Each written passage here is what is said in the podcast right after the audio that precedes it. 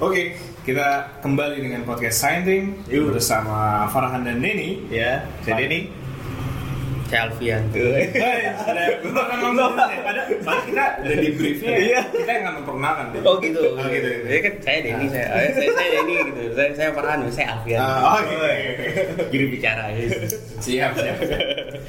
Jadi pada kali ini uh, kita akan ngobrol-ngobrol dengan Pak Alfian nih. Iya. Pak Alfian ini adalah Direktur Nerve Center Indonesia, Direktur Riset. Yoi.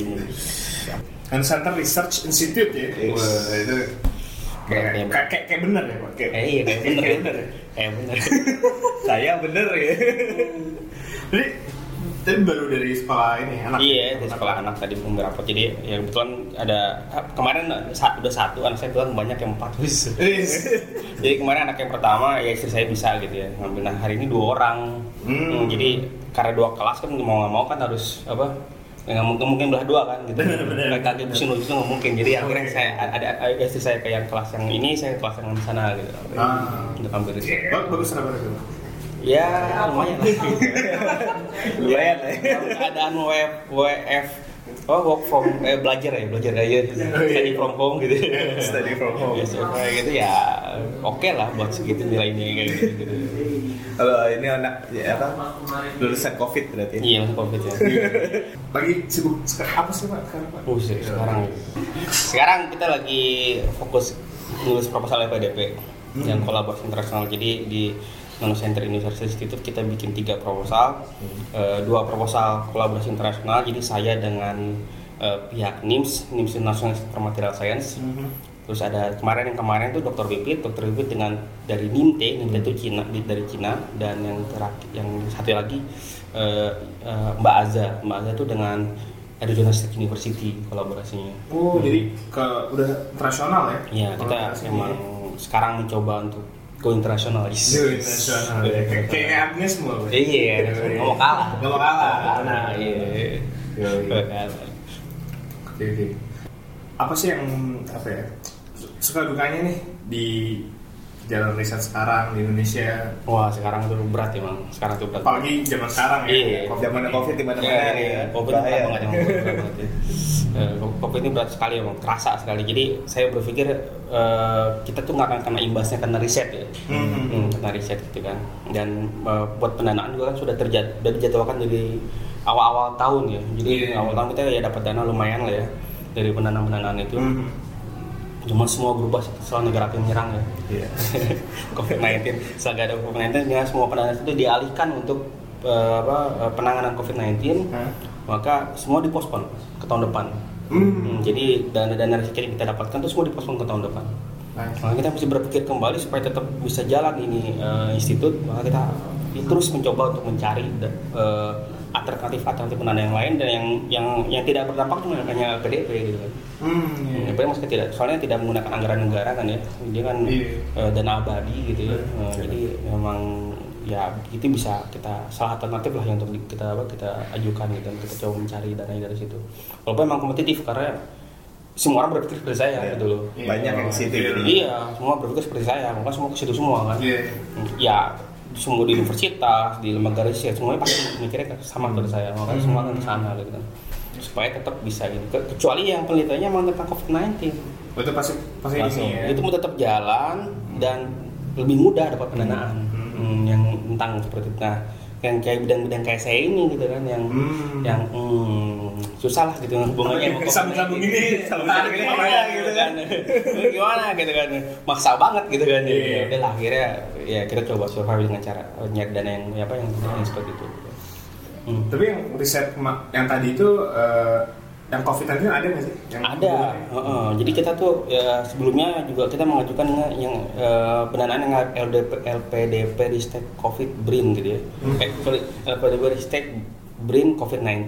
Jadi Hmm. itu pendanaan dari LPDP tapi eh, Ristek yang mengelola. Ah, iya. Hmm, Kementerian Riset dan Teknologi yang mengelola. Eh, kita tuh mengajukan sekitar berapa ya saya lupa 5 atau 5 atau 4 proposal ya Hmm. Hmm, di situ ya, ya temanya tentang COVID-19 semua jadi kita juga kebetulan kita punya penelitian tentang eh, apa kita punya produk kita salah satu produk yang yang dikenal dan Nusantara itu propolis ya Ya. Oh iya. Eh, jadi kita setelah kita uji gitu eh, dengan simulasi ternyata itu ada ada kemungkinan gitu propolis ini bisa mencegah Hmm. si virus itu masuk ke dalam sel tubuh Hmm. yang ningkatin imun responnya ya imun responnya gitu kan makanya dari ini kita sudah submit papernya Iya. ke paper ke jurnal yang dipunyai oleh American Chemical Society Oh. Hmm, tapi sekarang masih under review sih sama under review. Tapi itu udah cukup menarik lah menurut saya gitu. Nah dari itu kita mau ex- extend tuh. Studi kita kemarin itu cuma simulasi dan modeling. Ah. kita mau uji klinis gitu kan sekarang. Oh, itu yang de- dengan uh, ASU? Ini sama beda beda. Oh, beda. Ini beda beda beda. Beda. Ini yang penelitian sendiri. Oh. Hmm, ini yang yang ISU itu ya masih belum bisa dibuka ke publik. Oh, yes. masih ini ya, top secret ya, confidential. Iya, confidential gitu. Nanti langsung dicontek lagi. Eh, Hati-hati dicontek Iya. orang luar kan kita tahu nih. eh, itu menarik banget gitu. Saya bisa saya bisa seperti ini yang yang apa yang kemarin yang mau yang, yang, yang kita sedang ajukan sama ISU itu emang Hmm. cukup menarik. Makanya ya kita keep dulu lah gitu itu kita keep dulu gitu. Siap, siap. Ya kalau yang tadi yang proposal kita udah simulasi udah mulai sekarang mau uji klinis ya kita Hmm. kita, kita kerjasama dengan rumah sakit Pusri ya Hmm. di Palembang Iya. dengan kebetulan direktur rumah sakitnya eh, kolega kita juga dan dia tertarik untuk kita untuk bekerjasama gitu "Ayo kita kerjasama bareng gitu kita uji coba kita coba ujikan langsung ke pasiennya gitu ya Hmm. Eh, pasien yang terdam yang terpositif COVID-19 ya. Hmm. Ya, SARS-CoV-2 gitu nah coba kita lihat apakah emang ini bisa gitu kan si propolis itu Oh. eh, sebagai ya nggak mengobati sebenarnya sih ya tapi Menambah imun ya? ya, Hmm. apa gitu. Pokoknya ada efeknya dulu, ada efeknya, ada efeknya dulu nggak sih? Gaster. Ya, soalnya emang kalau yang buat sakit banget mah nggak mungkin juga dia. Ah, itu emang harus ada obat Ada ya. obatnya Ada gitu, ada obatnya. ini kan hanya eh, suplemen gitu. Suplemen, benar.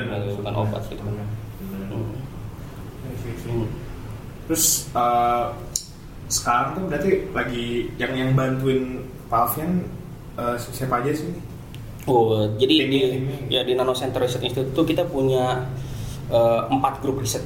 Gitu. Hmm. Ada empat grup riset. Jadi ada grup riset mineral processing itu eh, grup dari saya sendiri. Hmm. Nah di bawahnya ada ada ada Galuh Sukmarani itu lulusan dari ITB, ada Muzakir Dioptianto Hmm. lulusan ITS. Jadi mereka di advance eh, di advance eh sorry mineral processing group riset itu kita fokusnya ke yang itu pengolahan bahan alam Hmm. pengolahan alam. Jadi kemarin juga kita baru publish paper mengenai kita ngolah eh, apa namanya lupa biji mangan Nah, yang di post di Facebook. Nah, ya? itu biji mangan Oh, ya, pas begitu.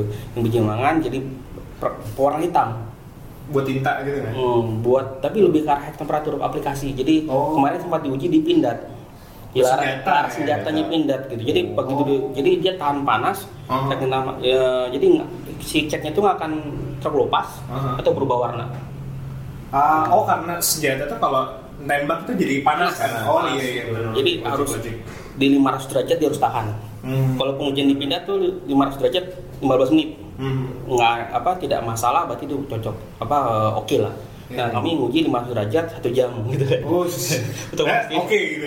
ternyata emang nggak berubah warnanya gitu Oh, Ternyata nggak berubah jadi wah udah bahagia dan Wah. kemarin papernya diterima gitu kan Alhamdulillah. di Journal of Mineral Processing Technology gitu kan eh mineral eh sorry Journal Material Research and Technology JMRT kemarin.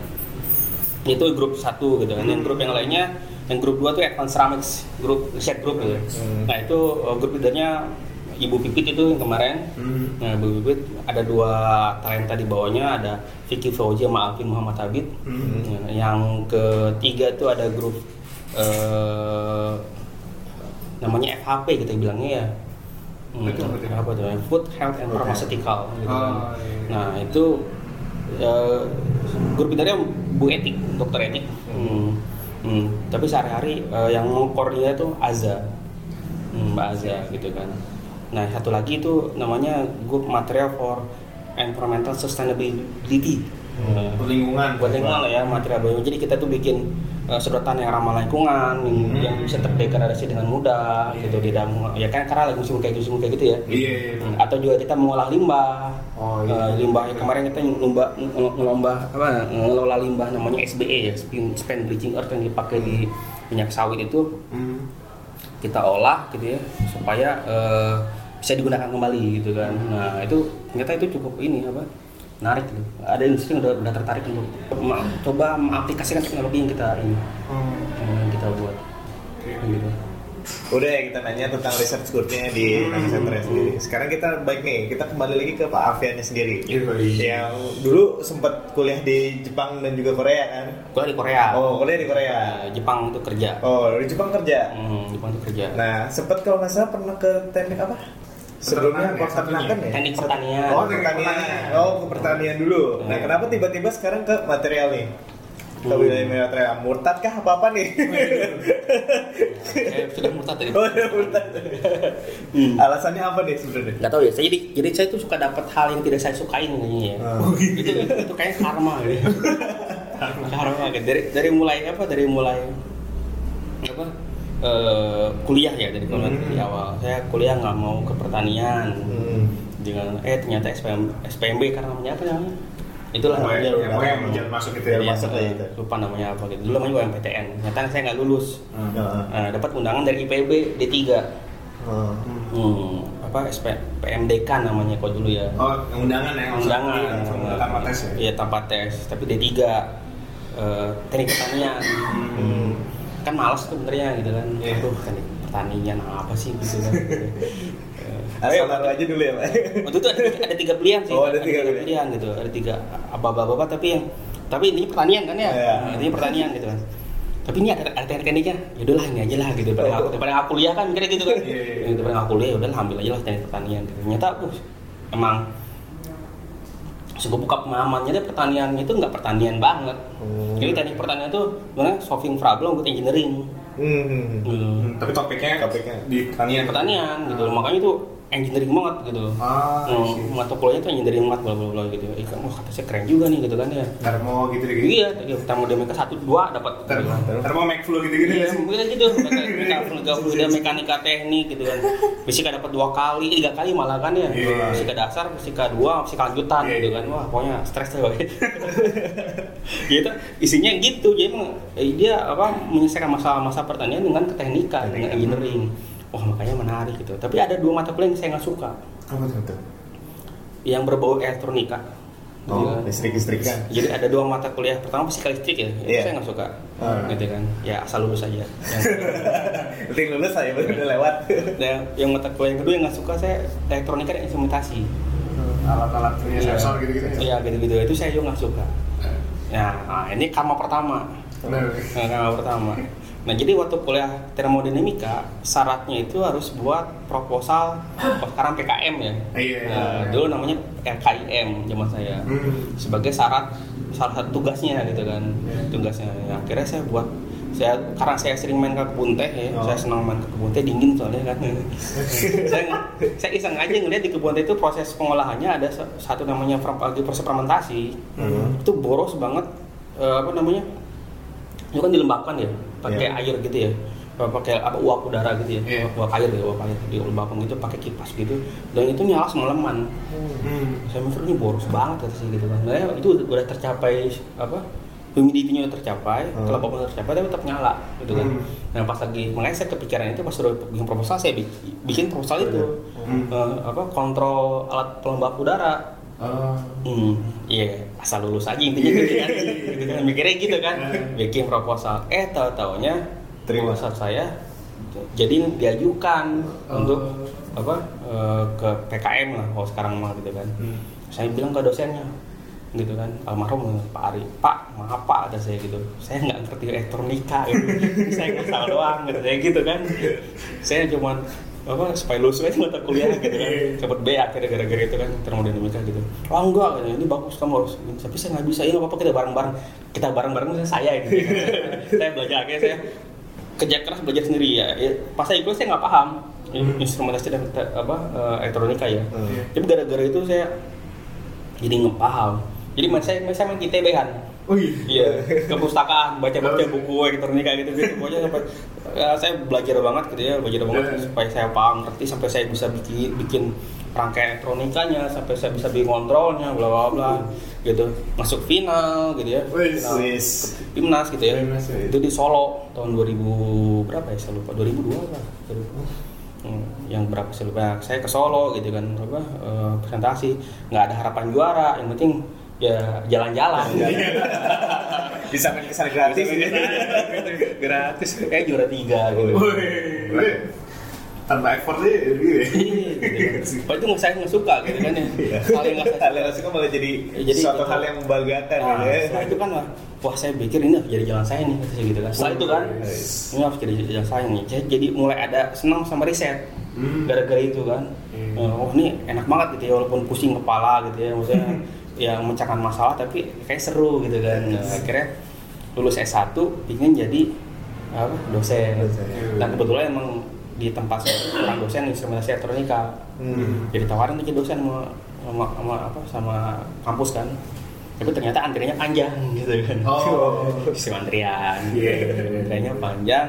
Wah ini kayaknya eh, bapak saya bilang wah kayaknya kamu kelamaan nih kalau ngantri gitu kan. Hmm. Ya pulang aja deh sini. Ya berarti saya pulang nih Tangerang ya. Karena suruh pulang ya pulang. Nah di sini ketemu sama Pak Nurul. Hmm. Hmm, jadi ceritanya emang Pak Nurul tuh inget banget kejadiannya. Sampai tanggalnya pun Pak Nurul tahu gitu. Masih membekas di Pak Nurul. Life, life changing. Iya, kata Pak Nurul gitu. Jadi kata Pak Nurul, eh, saya waktu itu ada acara eh, remaja masjid di di mana di Masjid Sepung yang gede itu loh. Oh iya. Oh, iya. Yang dekat sebelum apa? Sebelum Sebelum pasar. Iya, sebelum pasar ya, Sebelum masjid kan pasar, gitu ya. ya. Jadi ada acara remaja masjid itu setangerang gitu ya. Hmm. Eh, nah, terus butuhin fokus. Hmm. Tahun itu kan susah ya nyariin fokus ya. Iya. Eh, maksudnya kontak-kontak kontak ada kan itu tuh ada tuh yang apa yang rentalin di muncul komputer. Oh. Nah saya pinjem kan akhirnya ya singkat cerita karena muncul komputer itu hari Sabtu nah hari Minggu itu tutup makanya saya balikan ke rumah sama Pak Nurul. Hmm. Terus saya nggak ngerti apa Pak Nurul sih bilangnya ya udah kerja bareng sama saya lah tentang kerja ya. Hmm. Sama Pak Nurul ya siapa gitu kan. Nah, mikirnya bakal soalnya kata Pak Nurul ngerjain tung- tunggu-tungguan gitu kan. Oh. Hmm. Mungkin instrumentasi mikir saya kan kayak gitu-gitu. Ternyata ke sini sininya uh kok jadi marah material gitu ternyata menarik nah itu enggak mata kuliah yang saya nggak suka yang kedua Oh. iya waktu saya kuliah S1 tuh Banyak rupanya. jadi, jadi kan Ini yang suka yang mana? Eh, sukanya yang mekanika mekanika Oh, gitu, iya, saya iya, suka iya, gitu. Nah, nah ini ada jadi ada dua mata kuliah yang berbau elektronika itu saya nggak suka. Yang kedua yang berbau yang berbau pengetahuan bahan. Oh. Jadi ada dua mata kuliah tuh pengetahuan bahan, pengetahuan dan kekuatan bahan. Hmm. Itu dua mata kuliah yang berbeda. Nah itu saya nggak suka tuh. Soalnya kenapa? Aneh menurut saya gitu. Jadi nembak X-ray, ada apa? eh, ada jarak antar atom, bla bla bla, Hmm. SRD gitu-gitu kan ya. Pasti ini orang nggak jelas ngajar gitu. saya mikir gitu, oh, parah banget ya saya gitu kan. Nah terus, eh itu malah jadi jalan hidup saya yang kedua. Hmm. Itu yang bikin saya murtad. Jadi sama Pak Nurul, ya saya ya dipaksa shifting ke material berat sekali Hmm. berat sekali jadi dari kalau dari nol berarti pak. ada dua mata kuliah itu Oh, dari mata, dua, ya. dua mata kuliah dasar saya itu kan saya nggak ini apa nggak Dasar. dalemin Oh, gitu kan nggak dalemin saya asal lulus doang ngepecek gitu alhamdulillah gitu. Biasa itu. Ap- ngapain saya saya belajar effort yang nggak apa untuk uh, mata kuliah yang nggak saya pakai Iya. gitu dan saya nggak nggak nggak ini aja gitu nggak nggak senang aja kan ternyata saya harus belajar itu dari awal Hmm. nah jadi pas dia belajar oh ini yang dulu saya pelajari gitu oh ini dulu gitu baru baru baru Ternyata ini. pakai sekarang nih. apa tuh gitu kan oh kata saya itu jadi yang saya shifting ternyata wah di material tuh ya walaupun berat ya karena saya harus berubah tapi ternyata material itu menarik gitu Hmm. Hmm. Material menarik. jadi yang material itu kan emang jadi apa milestone peradaban ya kalau kita lihat ya Iya, iya. Eh, kan coba kita kenal zaman batu, Batu. zaman Hmm. perunggu, zaman apa. Jadi semuanya berbasiskan material. Hmm. Yang peradaban manusia itu ya lihat ya materialnya digunakannya gitu kan, material digunakan. Makanya kalau saya sekarang Indonesia gitu ya, kita mau lihat seberapa Indonesia maju, maka kita lihat seberapa maju material di Indonesia gitu Iya. kan. Makanya saya wah ini menarik gitu ya, gitu menarik gitu. Untuk apa untuk kita ya, apa eh, dalemin. Dalemin. Nah itu gi- gimana ceritanya bisa Material, murtad, murtad. Iya. pertanian material. kayak penuh penuh drama lah bos yang yang membawa kesuksesan tuh yang ke hal yang tidak suka Kayak ya. itu yang tidak saya Berawal suka dari tidak suka jadi Oke, coba apa lagi yang bapak ada lagi ada lagi ada lagi gitu kan yang tadi termodinamika saya nggak terlalu apa nggak terlalu suka gitu kan Hmm. sama termodinamika gitu kan nah S2 dapat termodinamika ya biasa aja. Kita- karena emang saya nggak fokus juga ke situ kan. Nah S3 gitu kan. Saya dapat termodinamika itu dosennya tuh bisa bahasa Inggris. Aha. dia dari dari mana? Dari dosen dari Amerika. Hmm. tapi nggak pernah mau ngajar bahasa bahasa Bahasa Inggris. Tapi dia, dia ngajar pakai bahasa Korea ngajar pakai bahasa Korea kan pusing gitu kan ya. Termodinamika ngajar pakai bahasa Korea. Gitu. aduh kata saya mampus saya kata saya gitu kan. Jadi saya setiap ke kelas tuh kalau nggak tidur saya baca buku yang lain. Gak ngerti juga kan udah sampai itu. Eh, jadi tapi emang kalau soal-soalnya pakai bahasa bah- pakai bahasa Inggris Inggris. pas lagi soal. Dan jadi ya belajar sendiri aja lebih belajar sendiri. Saya tidak terus suka. Nah life changingnya profesor saya tuh ngasih eh, paper ingat banget saya yang cuma dua halaman papernya Mhm. nah itu studi dari Negita dia publish di American Science Society bagaimana dia menganalisis mesimulasikan eh, sintering aditif nah kalau sintering kemarin Mbak Pipit ngomong sintering sintering itu jadi sebuah cara untuk supaya serbuk-serbuk itu jadi nyatu Hmm. Hmm, jadi beda dengan kologam kologam itu kan kita eh, memfabrikasi dengan cara kita melting ya Iya. Nah, jadi kita cairkan kita cetak Mhm. nah kalau keramik nggak mungkin kan Iya. Hmm, keramik eh, titik lelehnya 3000 derajat gimana meltingnya Matahari dulu, matahari. capek gitu ya. Makanya kalau di keramik itu caranya dengan cara sintering. Hmm. Jadi starting materialnya serbuk. Hmm. Nah, serbuk-serbuk itu kita kita kompaksi, kita bentuk sesuai dengan yang kita inginkan. Hmm. Gitu. Kemudian kita panahkan pada suhu tertentu. Hmm. Nah, sam- sampai sampai sampai akhirnya jadi material jadi. Nah, itu caranya. Nama sintering. Nah, untuk kebetulan saya material yang saya guna yang saya eh, ini namanya silikon karbida. Hmm. Hmm, nah itu kan material kovalen ya. Jadi ikatannya tuh ikatan antar atomnya kovalen. Hmm. Nah, eh, eh, kelebihan dari kovalen bonding tuh ikatan kovalen itu dia keras sekali. Diamond kan keras ya, Iya. paling keras di dunia. Hmm. Nah, silikon karbida itu yang nomor tiga atau nomor empatnya terkeras gitu kan. Oh. Nah, kekurangannya karena kovalen bonding gitu. Jadi difusivitas an- difusivitas antara partikelnya itu rendah sekali. Hmm. Jadi dia nggak mungkin disentering dengan cara normal. Itu intinya. Eh, jadi kalau mau sentering silikon silikon karbida tuh butuh suhu 2500 derajat. Kan tinggi banget. Gede banget. Plus pressure ditekan Ah, sambil iya. ditekan 5 gigapascal. Butuh butuh alat kayak gimana ya, ya? iya. Nah, nah, jadi ya itu 2500 derajat Celcius 5 gigapascal Hmm. yang pasti nggak apa nggak friendly lah buat industri ya buat Iya. buat makanya ada tam, namanya sintering aditif bahan tambahan Hmm. bahan tambahan supaya suhunya bisa turun Hmm. yang bisa pressurnya juga bisa turun gitu kan nah selama ini emang penentunya trial and error and error apa sih bahan aditif yang diperlu apa yang perlu ditambahkan gitu kan Tambahkan. nah eh, pionirnya sama yang namanya Keishi Negita kalau nggak salah namanya dia orang Jepang tahun 85 86 jadi dia bikin simulasi mengenai sintering aditif Hmm. Nah, itu paper itu jadi rujukan banyak orang gitu kan. Jadi dia bisa ya sukses menentukan beberapa aditif. Tapi ada beberapa aditif yang prediksi dia baik, nyata enggak. Hmm. Gitu kan nyata enggak. Oh, pas saya pelajari lebih lanjut gitu ya. Nah, itu paper tentang termodinamik. Hal yang tidak saya suka. Hmm. Yang tidak saya suka gitu. Eh, jadi saya pelajari gitu kan. Saya butuh waktu lumayan ya. Saya butuh waktu ya beberapa bulan untuk paham paper tersebut gitu kan. Tiap hari Itu dimarahin. dua halaman dong lu. Tiap hari dimarahin sama profesor gitu kan. Gimana? Progres kamu bla bla bla bla gitu kan. Ya ampun prof gitu kan. Ampun prof gitu kan. Eh, ya pokoknya saya kena ini ya emang karena ya jadi makna makna apa eh, eh, apa namanya story-nya gitu. Jadi sering-sering ke perpustakaan akhirnya gitu kan. Minjem buku minjem buku baca. Dari tapi saya senangnya di luar negeri tuh ya Hah? dari buku klasik sampai buku yang paling modern ada. Oh.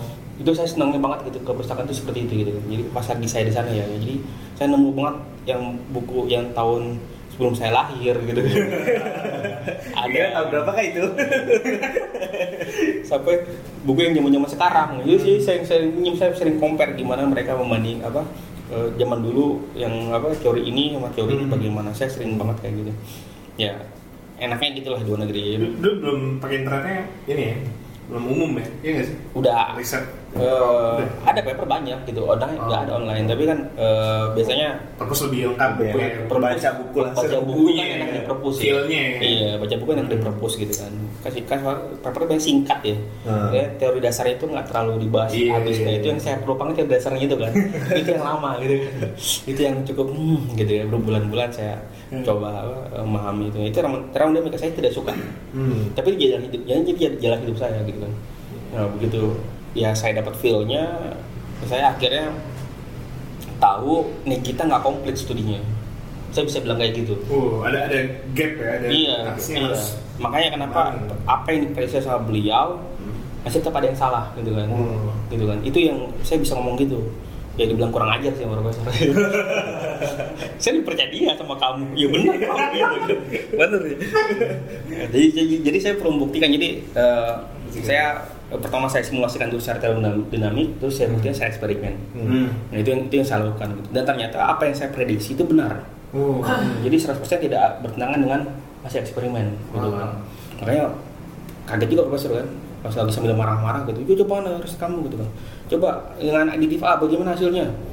Begini buat prof gitu. Gimana hasil simulasinya? Sesuai nggak sesuai? Hmm. B sesuai nggak semua sampai berapa ada saya tuh sekitar 11 editif gitu ya Hmm. itu semua sama sudah wah Alfian this is good gitu ya gitu sambil marah-marah tuh this is good gitu, gitu. Akhirnya itu paper sama pertama yang publish. Jadi Hmm. dengan dengan simulasi itu ternyata saya bisa publish lumayan banyak paper. Oh. Ya, paper dengan simulasi itu. Dan menemukan aditif-aditif yang baru yang tidak pernah terbuka sama orang lain. Hmm. Jadi eh, dan itu ternyata cukup signifikan perbedaannya gitu kan dengan yang konvensional yang yang udah Hmm. ditemukan. Jadi kayak yang yang menurut saya cukup eh, ada breakthrough-nya gitu ya. Itu saya menemukan dengan scandium. Scandium. Iya, iya, scandium oxide ataupun uh, scandium metal itu bisa digunakan. Hmm. Ternyata dia eh, apa eh, selain membuat si SiC itu silikon karbida itu eh, dense ya Hmm.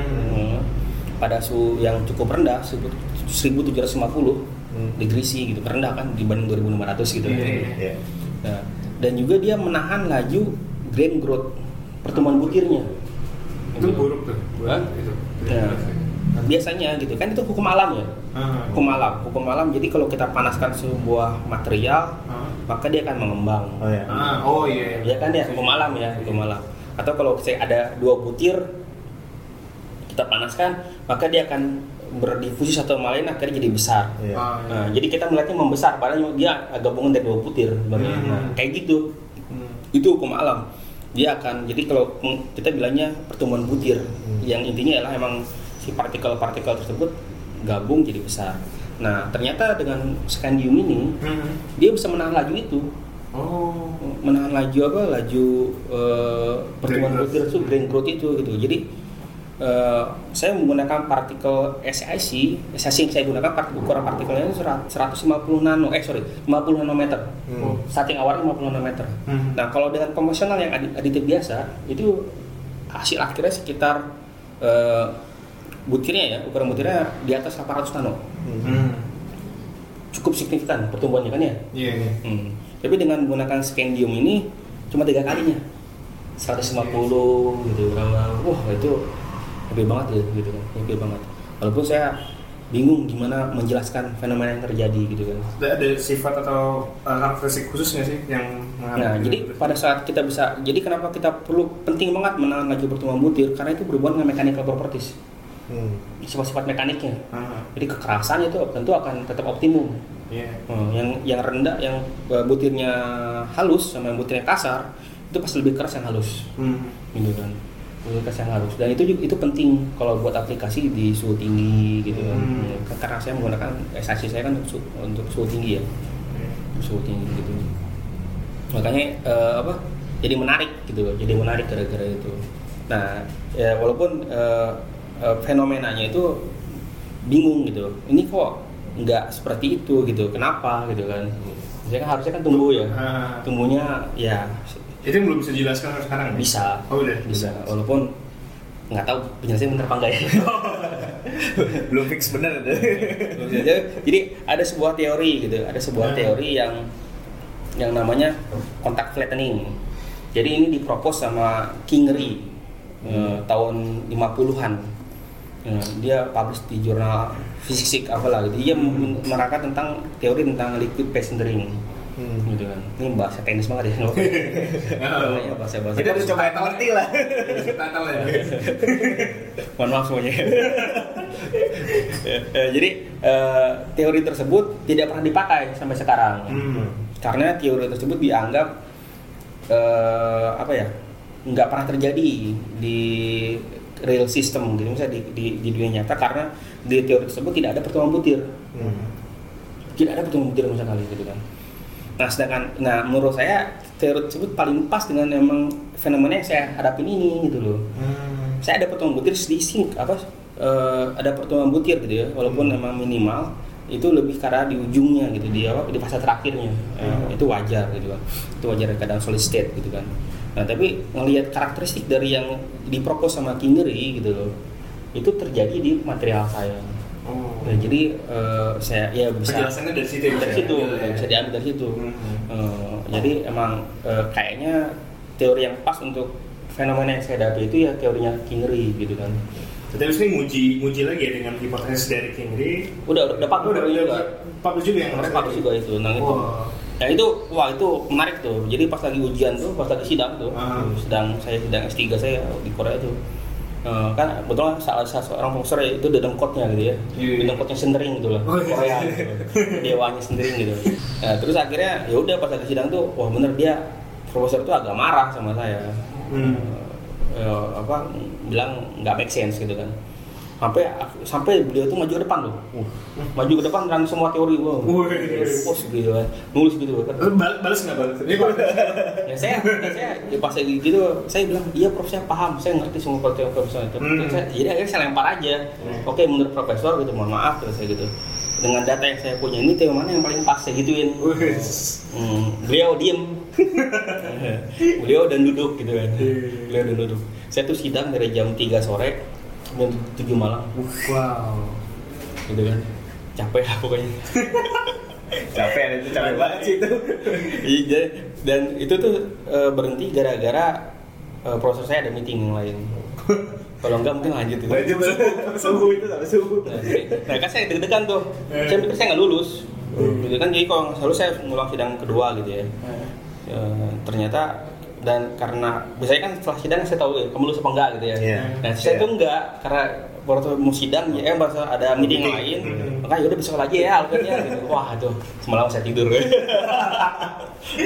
Kepikiran terus. kepikiran kagak lulus kagak lulus gitu ngulang sidang nih ngulang gitu kan mikirnya gitu aja kan pokoknya "Ya udahlah pasrah aja gitu pagi-pagi datang ya udah ya udah siap untuk sidang ulang Iya. gitu kan tahu pas dipanggil sama profesor di- dikasih nilainya kaget juga saya Misalnya apa? ya lulus saya Wah, lulus dan yang ngasih nilai paling tinggi itu profesor yang itu dedengkot itu 98 yang ngasih nilai Wah.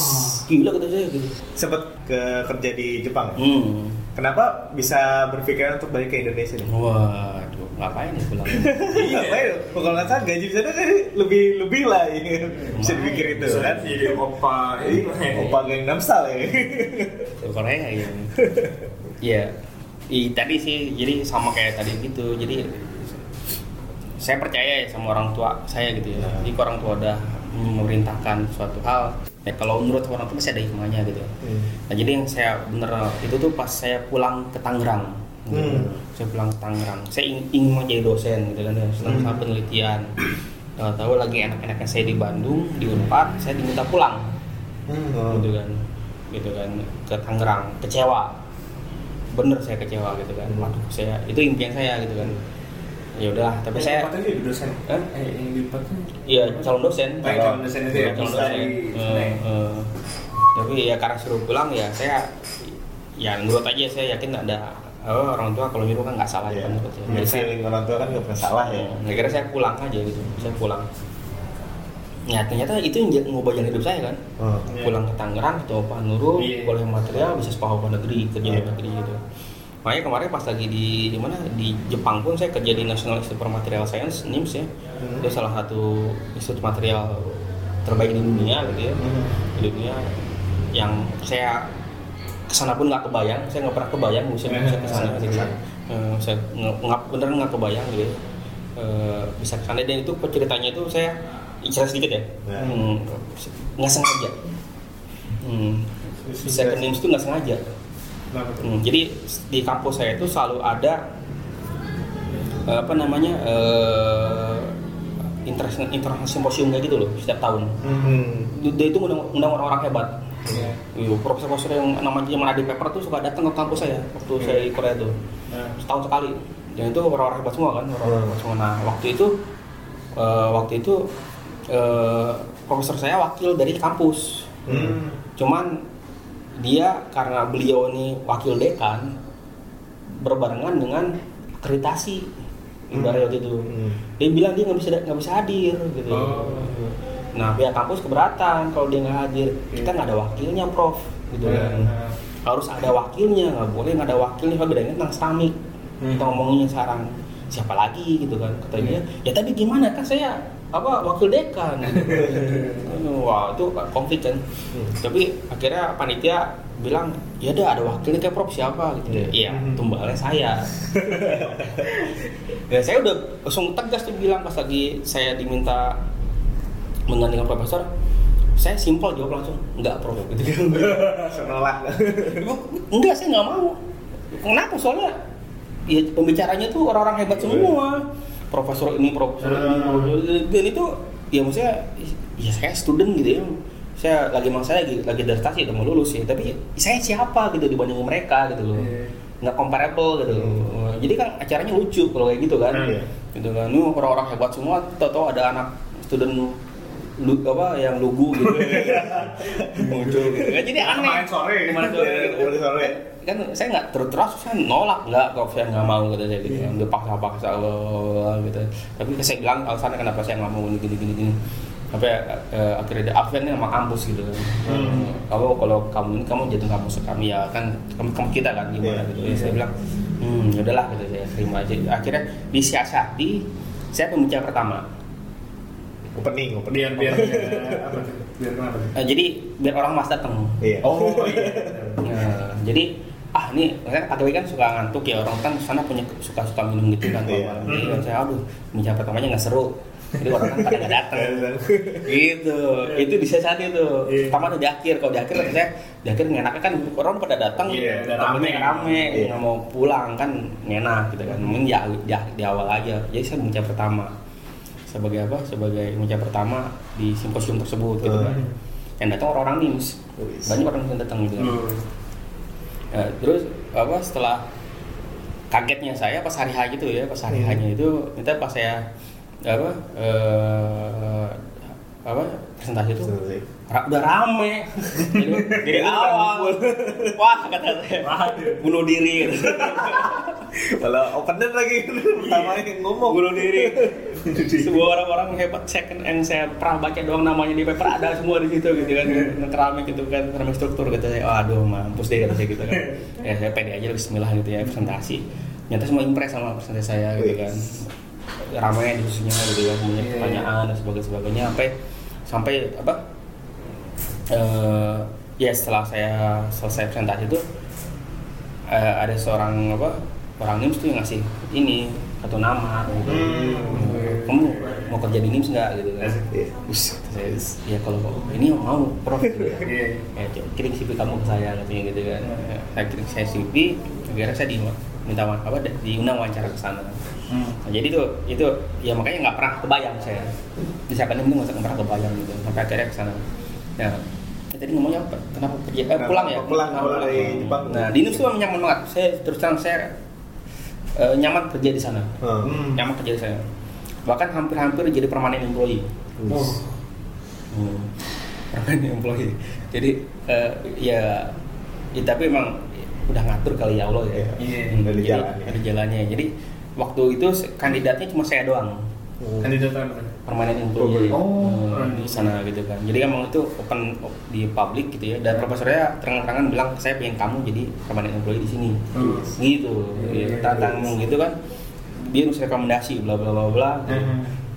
lolos sampai berapa tahap di tahap akhir itu emang penilaian dari presiden NIMS. Hmm.